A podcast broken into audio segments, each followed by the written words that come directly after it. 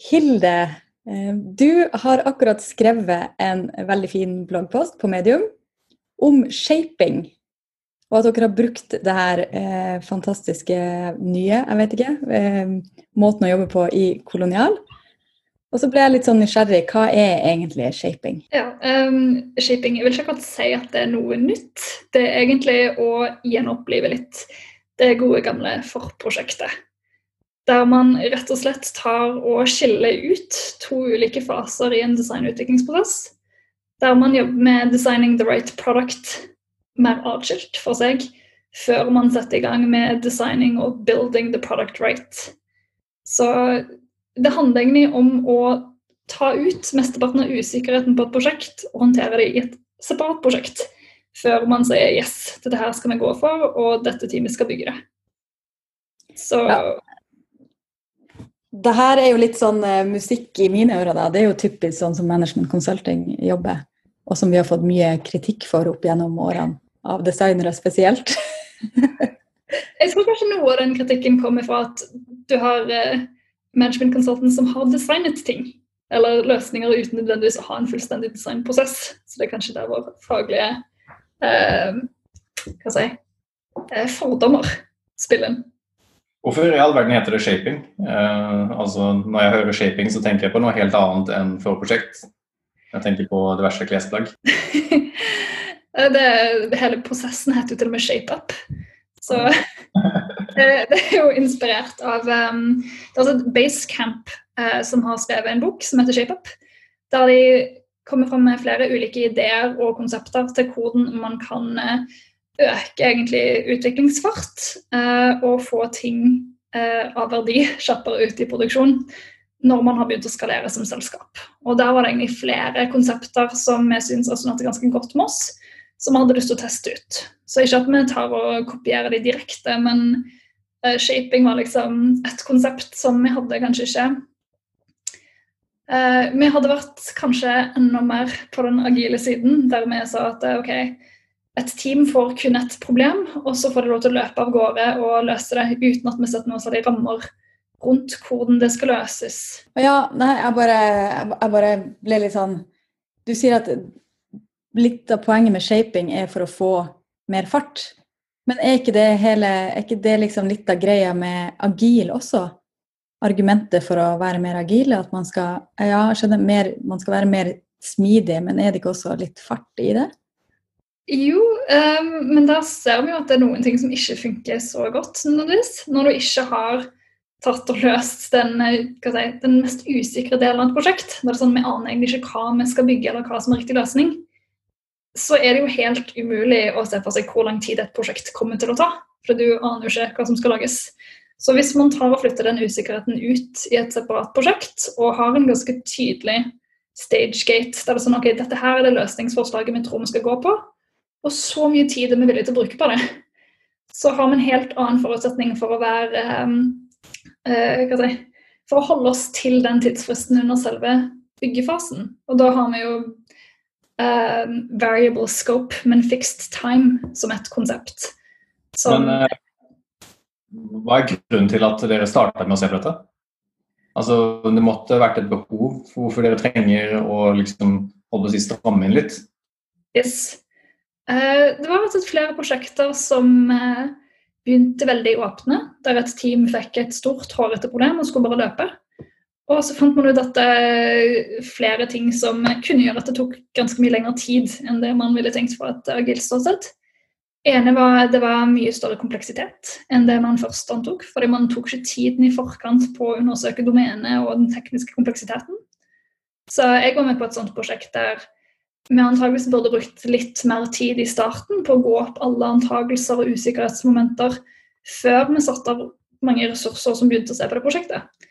Fordi når vi hadde satt av et team som begynte å løpe, så følte man ansvar for å ta det helt i mål. Så man fortsatte ganske lenge, selv om man kanskje ikke burde prioritert det prosjektet, det området da, med de ressursene vi hadde.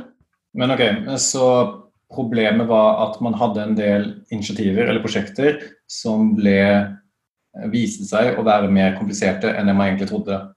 Det var det ene aspektet. Og så var det andre det, det er veldig lett å være enig i at vi skal løse et problem. Alle stakeholders er sånn Yes, det er problemet vi bør løse. Men løsningen har ganske mye å si ofte for om de ulike stakeholdersene er enige eller ikke. Så det som har skjedd nå som har blitt større, så er det litt vanskeligere å ha en kontinuerlig synk hele tiden for alle interessenter.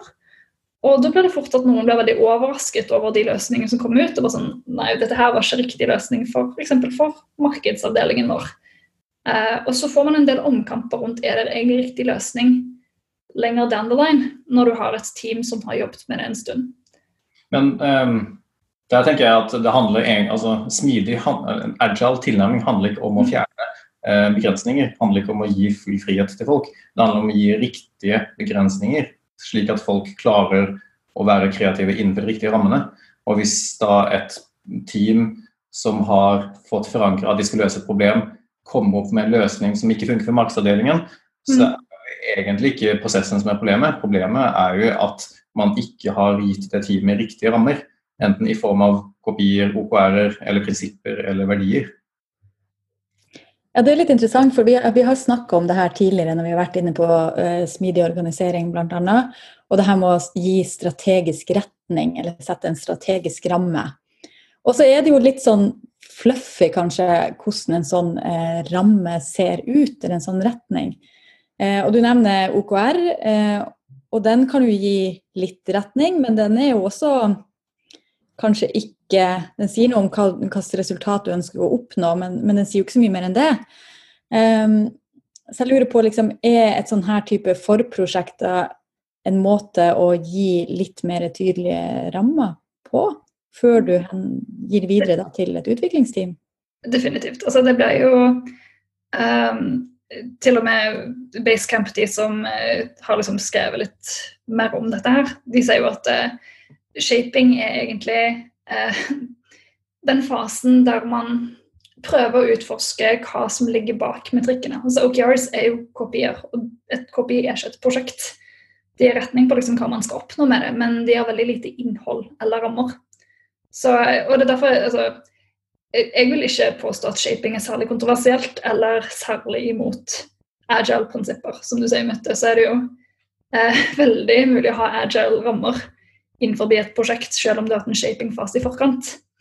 Men eh, for min del så har det handlet mer om å liksom, sette tydeligere grenser på når er det vi er veldig usikre på hvilken løsning vi skal bygge og lage, versus når vi er ganske sikre og kan egentlig bare løpe og kjøre på. Trenger helt andre um, Eller har helt andre forutsetninger for å vurdere tidsbruk og kompleksitet. Men betyr det at det skal være en eller annen sånn eh, måte, et skille som yes. gjør at man går fra ene fasen og andre fasen? Ja. Så i mitt hode iallfall så handler det mer om at man setter en slags stage-gate mellom hva løsningen bør være, sånn overordnet, versus å implementere det.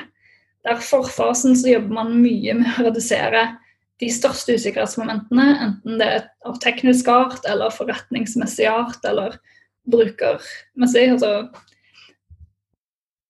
så jeg, jeg ville ikke sagt at det er en veldig ny prosess, men det at man er strengere med seg sjøl på hvilken fase man er i, og at man har et ganske sånn sterkt forankringspunkt før man går videre til å implementere det, med et team som da har full autonomi over altså, løsningen innenfor de rammene de har fått gitt. Eh, hva kan du si om den gaten? Hva er det, Hvilke kriterier er det som skal til for å måtte, komme seg forbi den gaten? Det er jo både en kombinasjon av OKRs og man tror det svarer til det. Det er om man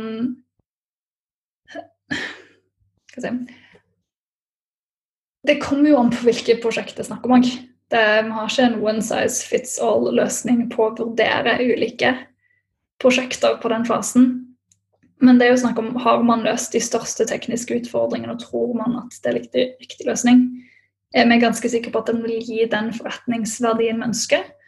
Og i noen tilfeller så er det ganske mye usikkerhet knyttet til løsningen fortsatt. Spesielt f.eks. For ut mot kundesiden, der vi er usikre på om det faktisk vil generere den effekten vi ønsker. Men at man har et team som sier vet du hva, vi tror nok på dette her til at uh, et team får frie tøyler til å implementere dette her i løpet av en viss periode. Så det er egentlig en slags eh, formalisering av eh, fight and unite-prinsippet. At før du kommer til den stagegaten, så skal man virkelig diskutere fram og tilbake og utfordre hvilke løsningsrom man skal være i. Men etter den så skal man greie å commit til en type løsning og fortsette innenfor de rammene. Iallfall innenfor en byggesykkel, som er en periode på ca. seks uker. Sånn at vi ikke har for mange ulike initiativer som pågår, og ikke har for mange runder der vi etterspør oss sjøl igjen. Jeg tenker jo at eh, det her er jo litt sånn du, du, var egentlig innom alle dem, Hilde, men vi har ofte brukt når vi jobber med type konseptutvikling, så har vi en sånn prioriteringsmatrise eh, hvor vi ser på desirability, viability og feasibility. Du nevnte mm. egentlig eh, alle tre. Og jeg syns egentlig det er eh, et, et, ganske godt mål, da, fordi at bare med å bruke det høres jo ekstremt enkelt ut, da, men du får i hvert fall tenkt gjennom om det er, du får avdekka om det er måte, spesielle ting du må se på innenfor enten det er feasibility, om det er noe teknisk f.eks., om det er om teknologien finnes til at du klarer å løse det. Eh, eller ja, kanskje teknologien finnes, men det er så dyrt at du vil aldri klare å få det lønnsomt, f.eks. Du får avdekket en del sånne ting da, ved å bare ta noen runder gjennom alle de tre. Eh, så det kan jo være én type gate. Om ikke de alle tre er i samme gate, men i hvert fall at du på et eller annet tidspunkt må gjøre en avsjekk på alle de tre, eh, tre områdene. Da. Men det her minte meg også litt om eh, Jeg var med å starte opp en innovasjonslab. En felles innovasjonslab for flere selskap. Og der jobba vi med liksom typisk sånn kreativ idéutvikling. Eh, men før det her ble overlevert, det kom, konseptene eller ideene man kom opp med, før det ble, gikk over til et utviklingsteam, så var det nesten en sånn shaping-fase.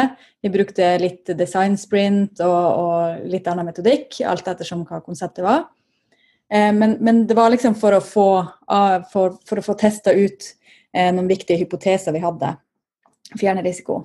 Eh, og det vi ganske fort oppdaga da, det var jo at eh, det må være noen som er med hele veien. Du må ikke ha samme team hele veien, men det må være minst én og helst flere som er med helt fra starten, og som liksom kjenner ideen fra, fra vugge til grav, skulle jeg til å si. Eh, har dere opplevd litt av det samme? Jeg bare tenker, Det er jo en risk med å ha sånn overlevering hvis det skal fra ett team til et annet. Altså, Vi prøver jo så godt vi kan å unngå overleveringer. Eh, og i de fleste tilfeller så er det jo en person fra teamet som er ansvarlig for den shaping-fasen. Um, og som skal være med å bygge det, så man har eierskap gjennom hele prosessen. Uh, og helst, hvis du vet hvilke team som kommer til å implementere det, det er noen tilfeller der du ikke vet dette, uh, da tar det jo å involvere de i en del av utforskingen på hvilke tekniske eller hvilke forretningsmessige antakelser det er snakk om. Sånn at både de får eierskap og gitt input og spart rundt løsning. Det er ikke veldig forskjellig fra måten vi har operert tidligere, men det er et mentalt skifte. Og egentlig en ganske fin måte å um, altså, Før et av problemene vi har sett med prosjekter, var liksom løpet veldig lenge. Fordi du vet ikke hvor lang tid det tar før du finner riktig løsning, og så skal du implementere det, og så er det vanskelig å vite liksom, er vi treige eller er vi kjappe nå jeg tror mye av verdien her ligger i at vi har noe som er ferdigtygd nok til å si at så mye tid er vi villige til å bruke på dette her. Og hvis vi ikke får til det i løpet av den perioden, da må vi enten gå videre til et nytt prosjekt, eller så må vi gå til andre stakeholders og spørre liksom, er det verdt at vi forlenger dette her. Men eh, jeg sliter litt med å skjønne hva forskjellen mellom det er og en eh, Jeg vet ikke hva man skal kalle det, men en eh, smidig, digital, kontinuerlig produktutviklingsfancy, kontinuerlig leveranseprosess? um, det kan godt hende at uh, noen har holdt på med akkurat de samme prinsippene og samme prosess i en smidig, kontinuerlig digital prosess. Uh, forskjellen for oss da var liksom den å ikke gi bare et problem med ganske vage rammer, som OKRs og en del prinsipper til et team, men heller i mye større grad komme fram til dette her er ca. sånn løsningen skal være. Men det er der jeg tror på en måte Eh, vi har snakka litt om pendler. og det hører For meg akkurat nå så høres det ut som om vi da er på vei til et sted hvor pendelen svinger litt for mye tilbake. Fordi det høres ut som om eh, dere har kommet dere dit pga. at dere ikke klarer å få de løsningene dere egentlig ønsker å få. Og da er det jo et spørsmål om hvem er det som egentlig vet hva som er riktig løsning. Skal vi ta det kanskje i en ny episode? OK. Vi gjør det. Okay. Takk for nå. Jo, takk. Takk.